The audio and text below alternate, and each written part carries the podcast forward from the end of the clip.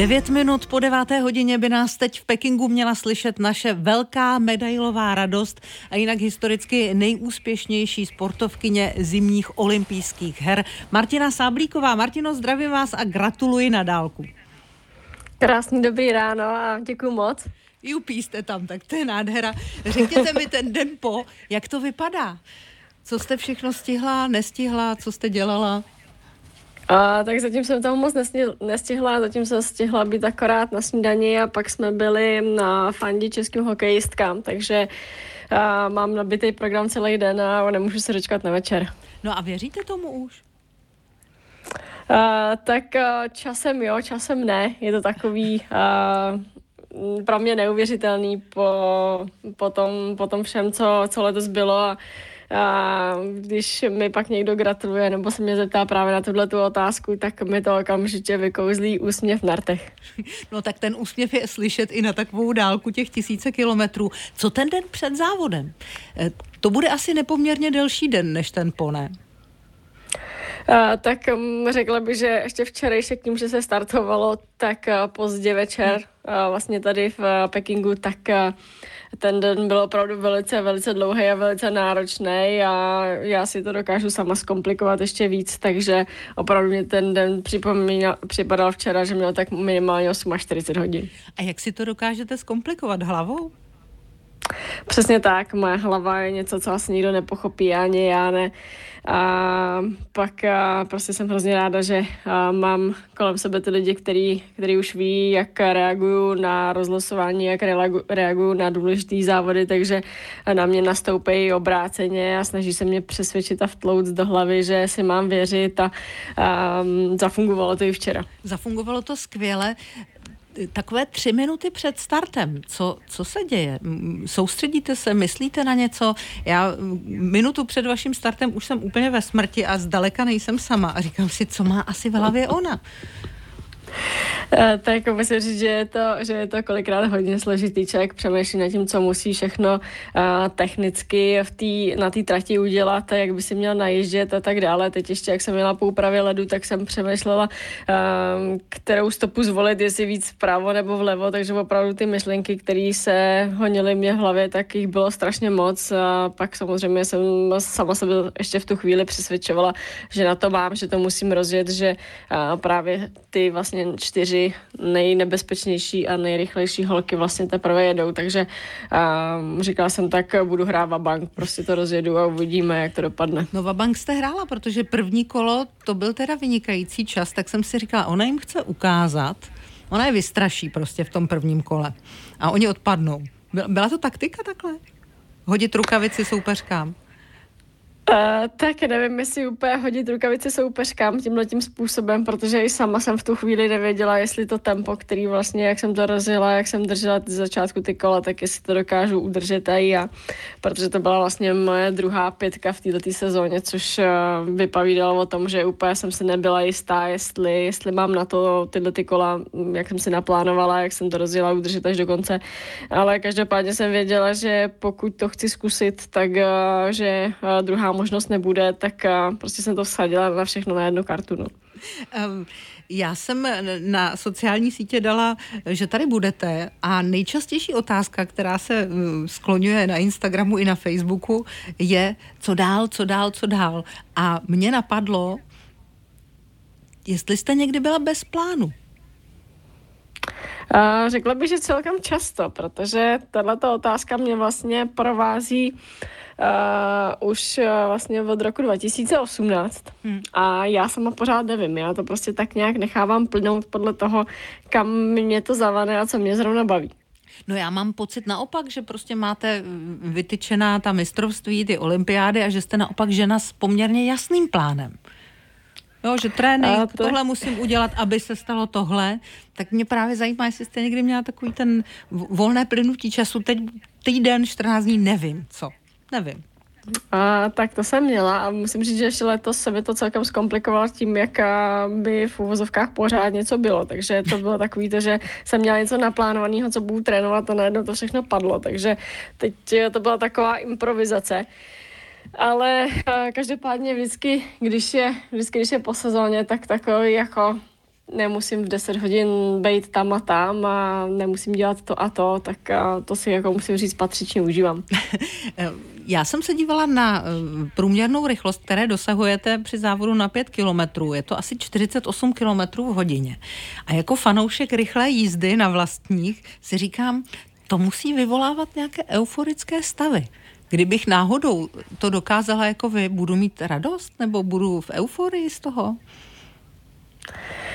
Tak ono to je kdy, uh, protože každý závod je jiný a samozřejmě ta rychlost je geniální, zvlášť když se vám po, uh, daří udržet a jet prostě jako, stroj, jako hodinky a držet ty kola stejně. A pak jsou takový ty stavy, kdy to nejde a když se u toho člověk trápí, tak pak už je mu úplně jedno, kolik kilometrů v hodině jede. Mě by zajímalo, jak se vlastně vypořádat s tou odstředivou sílou v zatáčce, když mám prostě takovouhle neuvěřitelnou rychlost. A jak se natrénuju, abych to tam prostě všechno udržela a přitom to vypadalo jako, že se vůbec nic neděje.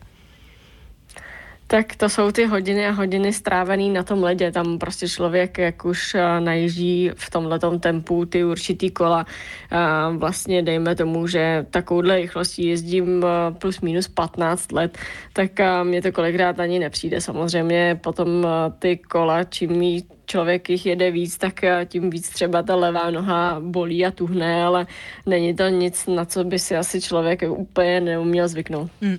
Eh, já bych vás chtěla, Martino, o něco poprosit, abychom si všichni jako udělali představu eh, o vašem tréninku. Zkuste mi popsat nějakou jednu tréninkovou figuru, kterou bychom si teďka mohli staticky každý tam, kde jsme předvést. Já si to zkusím tady za mikrofonem, vy mi to popíšete, někdo si to zkusí v kanceláři, řidiči to vynechají, nechají si to na večer. Co mám udělat, abych si zkusila kus tréninku sáblíkové? Jednu figuru. Jednu figuru, no. se to takhle asi jako celkem uh špatně popisuje takhle na dálku, ještě přes telefon, když si to nemůžu ukázat. Ale ono úplně bohatě stačí, když si stoupne prostě do podřepu plus minus, aby jsme měli pod kolenem nějakých 90 stupňů. Ano, moment, já to, takže tý... sjezdařský, jako něco jako sjezdařský postoj, jo? Ano, ale jenom na jedné noze. Počkejte, to spadnu. To je, dobře, tak já to zkusím. No. A trošku se přidržím stolu, to můžu, jo? Určitě. Ano a mm-hmm. třeba tou nohou, která mi je volná, která, na který se nestojí, tak prostě třeba natahovat nohu do strany a takový oblouček dozadu a prostě dělat to jenom na té jedné noze a třeba 30 vteřin až minutu v kuse. Vynikající. Tak já jsem se držela a už teď toho mám plné zuby. Eh, eh, hodně lidí se ptá na, na to, eh, kolik vlastně hodin denně, kdyby se to spočítalo, před takovýmhle výkonem dáváte tréninku. Tak ono před tím samotným výkonem už to potom není takový ten týden nebo nějakých pět dní předtím už se z těch tréninků ubírá, aby to tělo bylo pak připravené na ten jeden jediný, jediný, jeden jediný start těch pomyslných jenom 12 kol protože v tréninku se toho nejezdí daleko víc, ale a, třeba, nevím, těch 14 dní před tím závodem, tak to znamená, že já těch 5 kilometrů přejedu třeba čtyřikrát, pětkrát po sobě, plus mm-hmm. do toho si dávám nějaký úseky, které jsou, které jsou prostě v určitým tempu, pak odpoledne mám nějaký kolo, kde trávím třeba hodinu a půl až dvě a půl hodiny, záleží na tom, co na tom kole jezdím a jestli je to venku nebo na trenažeru, prostě nějaká posilovná stretching, takže těch hodin a těch minut v, v tom tréninku je strašně moc. Hmm. Víte, kdo mě přivedl na tu odstředivou sílu v té zatáčce? Váš bratr, protože on byl včera hostem speciálu s Petrem Kadeřábkem a eh, kolegou Janem Pokorným a on to tam líčil, že to je hrozně těžké a ještě jednu věc říkal, když se ho ptali, jestli jste někdy spolu závodili, jako bratr se sestrou, jako dva rychlobruslaři a on řekl tohle jako přímý závod, no. to asi úplně jsme spolu a ne, nejeli. Tak, tak jenom možná... jako, jako bratr se sestrou. Tvůj bratrský závod. No, tak na dlouhých tratích by mě bez sporu asi ujela, na kratších by to bylo trošku jiný, no. Říká váš bratr Milan Sáblík. Jeli jste spolu někdy nebo ne? Tak přímo závod, jak uh, zmiňoval, určitě ne. Uh, ale samozřejmě v tréninku mi byl dobrým a věrným parťákem, takže tam jsme spolu samozřejmě se hecovali a v pomyslným závoděním nebo závodili jsme tak pomyslně mezi sebou, že jsme si třeba nastupovali a tak. A to je, s tím klukem je to prostě trošku jiný. On sice teďka říká, že bych mu na těch dalších tratích uh, ujela, ale jemu bylo tenkrát asi 18 a já už jsem byla něco starší a pak uh, skončil, takže já si myslím, že, že by to dopadlo úplně obráceně, protože v té době měl osobáky na těch uh, dalších tratích lepší jak já. Hmm. Ale vy s klukama trénujete. Pochytila jsem někde, že trénink s muži je, je dobrá disciplína pro vás, ale říkám si, jestli se tam moc netrápíte, když není úplně motivační, když před váma neustále někdo ujíždí. Uh, tak uh, ono je to super v tom, že člověk pak uh, třeba když se najíždí nebo tak, tak ty kluci dokážou jet vyšší rychlosti. Já třeba když najíždím, tak uh, jezdím třeba kola za 34 a ty kluci to tam prostě jedou za 31, což je moje závodní tempo. Mm-hmm. A právě v tom háku uh, se člověk tolik nenadře, ale v té zatáčce to právě na té noze ta, uh, tu ostředovou sílu držet musí. Takže v tom je prostě potom ta výhoda, že zná tu bolest jakoby z té zatáčky, ale úplně se nezakyseluje funguje, protože tam ten hák uh, hraje hro, hrozně velkou roli. Vy jste, Martino, dojala spoustu lidí tím, že jste říkala, že jste si během toho závodu v nějakou těžkou chvíli vzpomněla na to, že budete teta brzo v Dubnu a že vám to dalo velkou sílu. To je fakt v tom fofru olympijském čas na to, aby si člověk v nějakou chvíli řekl, budu teta? Tak uh, on každý závod je jiný, ale prostě včerejší závod byl takový, že uh, opravdu mě drželo před tím závodem hlavně uh, na, na noha, fakt jako na nohách, když to takhle řeknu, a spoustu lidí. A drželo mě v tom, že a abych eh, si udržela v hlavě optimismus. A potom samozřejmě i před tím startem člověk se snaží nějakým způsobem namotivovat. A na mě výborně funguje to, že když si řeknu třeba uh, pro koho bych to chtěla jet nebo kdo mi třeba pomohl nejvíc. A to prostě v tuhle tu chvíli pro mě bylo taková ta alfa omega všeho, prostě jet to pro toho malého, co se má narodit, protože protože um, ty zprávy, které jsem dostávala z domu, že jediný, kdo mu může dát takovou bojovnost, jsem já a že to nesmím vzdávat předem, tak právě potom ty čtyři kola do cíle, to jsem si říkala, tak jako jestli pro někoho tohle to mám vydržet, tak je to jedině on. A myslíte si, že až se jednou narodí a trošku povyroste, že mu tu placku fakt dáte? Uh, tak když ji nerozbije, tak určitě. Já myslím, nemám vůbec žádný problém. Já říkám, já se strašně těším a, a všichni asi, kdo mě zná, tak ví, že a hrozně moc miluju tenhle ten sport, ale co miluju daleko více moje rodina, takže pokud, pokud mu to udělá radost a bude ho to nějakým způsobem motivovat k čemukoliv, co si usmyslí, že bude v životě dělat, tak určitě ta placka je k dispozici. Hmm. Je ta medaile včerejší v něčem jiná? Na rozdíl od těch šesti předešlých. Tak uh, určitě designem, ale z mýho pohledu a pro mě je prostě čím dál tím víc neuvěřitelnější, když si prostě na tu pódiu můžu jít stoupnout. A dřív uh, když mi bylo 22 a šla jsem tam poprvé, tak samozřejmě bylo to super. Uh, užívala jsem si to a užívám si každou medaili, ale čím eh, člověk je starší, takže se to může ten pocit a ten, eh, ten výkon a všechno kolem opakovat znovu a znovu, tak eh, to je daleko cenější a hlavně, když pak člověk tu medaili nemá a pak ji najednou získá, tak prostě i zpětně si uvědomí a ocení to, co se mu povedlo a, nikdy ne, není třeba smutný z toho, že byl třeba v úvozovkách až druhý. Ale prostě ty úspěchy a takovéhle věci, když člověk ze sebe vydá, vydá všechno, tak to jsou nezapomenutelné okamžiky. A když člověk ze sebe vydá všechno, co mu teda nakonec zbyde? Ty lidi kolem, který mu zase pomůžu stát. Když jsme u lidí kolem, jak se vám stárne s trenérem Petrem Novákem? Jo, docela dobře, protože on bude vždycky starší než já. ne, já to nemyslím. Jako, já myslím to společné stárnutí, protože uh, vy jste ve věku 30 plus, on je ve věku 70 plus a máte, spolu, máte za sebou bohatou kariéru a to je okamžik, kdy vlastně se vyvíjíme, uh, některé naše špatné vlastnosti se prohlubují, na něčem pracujeme, tak na tohle se ptám, jo. Tak je to asi jako s tréninkem. Vždycky se objeví něco, co je potřeba zlepšit a když už člověk si myslí, že jede super technicky, tak nakonec se ukáže něco, co tam prostě je špatně a co se musí opravit. A přesně takhle bych to nazvala asi v tom našem vztahu. Prostě, jak jste řekla, tak vyvíjíme se, každý jdeme nějakým směrem a i my musíme upravovat různé věci, které uh, byly nastaveny třeba v roce 2010 a teď už je to prostě jiný. Mm-hmm. Je tady spousta eh, dotazů na Instagramu, na Facebooku a tak dále. Eh, otázka pro Martinu, jak to, že taková ikona jako vybývá před závody tak nervózní. Kdo slouží jako hro- hromosvod vašich předstartovních stavů a kdo vás nejvíc uklidní? Tak je to přesně ten tým, který je kolem mě Samozřejmě ty mě dokážou i znervoznit, ale většinou postupuju podle toho, jak se zrovna cítím. Je to samozřejmě Petr, jsou to holky vlastně Niky Zdráhlová a Eliška Dřímová, která mi dělá masérku.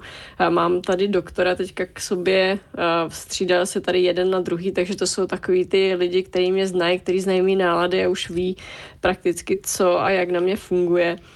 A to jsou prostě ty lidi, který, který pak při tom, před tím závodem prostě nějakým způsobem se mi snaží uh, vlít ten optimismus, i když to samozřejmě přichází zvenčí od těch lidí, který, který mě podporují. No a to s tou nervozitou, to je, je to strašně jednoduchý. A člověk, který uh, má za sebou to, co má, tak prostě si to chce dokázat znova a nejenom sobě, těm lidem, že na to ještě má a že ještě neodchází do takového toho pomyslného starého železa.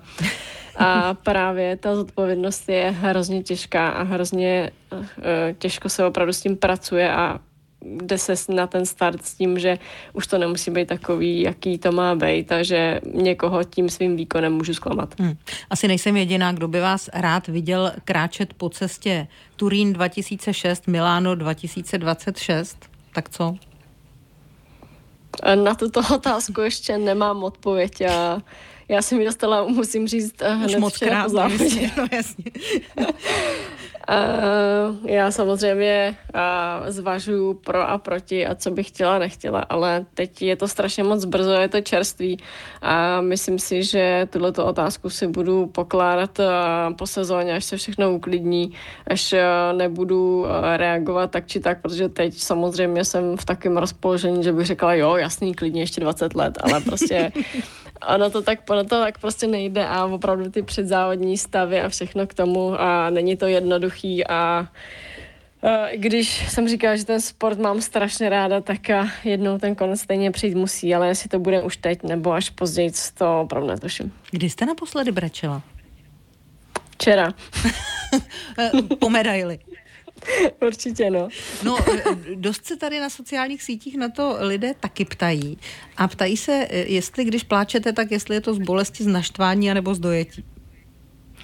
A tak eh, včera to bylo, včera to bylo samozřejmě z dojetí, ale občas to bývá i z naštvání anebo z bolesti. To zase záleží na tom, co a jak opravdu ten člověk prožívá. No je tady spousta gratulací, je tady spousta radosti, je tady spousta poděkování za to, že, jak jste říkala, že vlastně máte na, na, na, na mysli i ty lidi, pro které jedete, tak ti lidé se ozývají na všech možných sociálních sítích a vyřizují hluboké díky, klobouk dolů, což strašně ráda reprodukuju. Blahopřeju do Pekingu, zdravím vás i váš tým a všechny vaše kolegy a ať se vám Martino daří.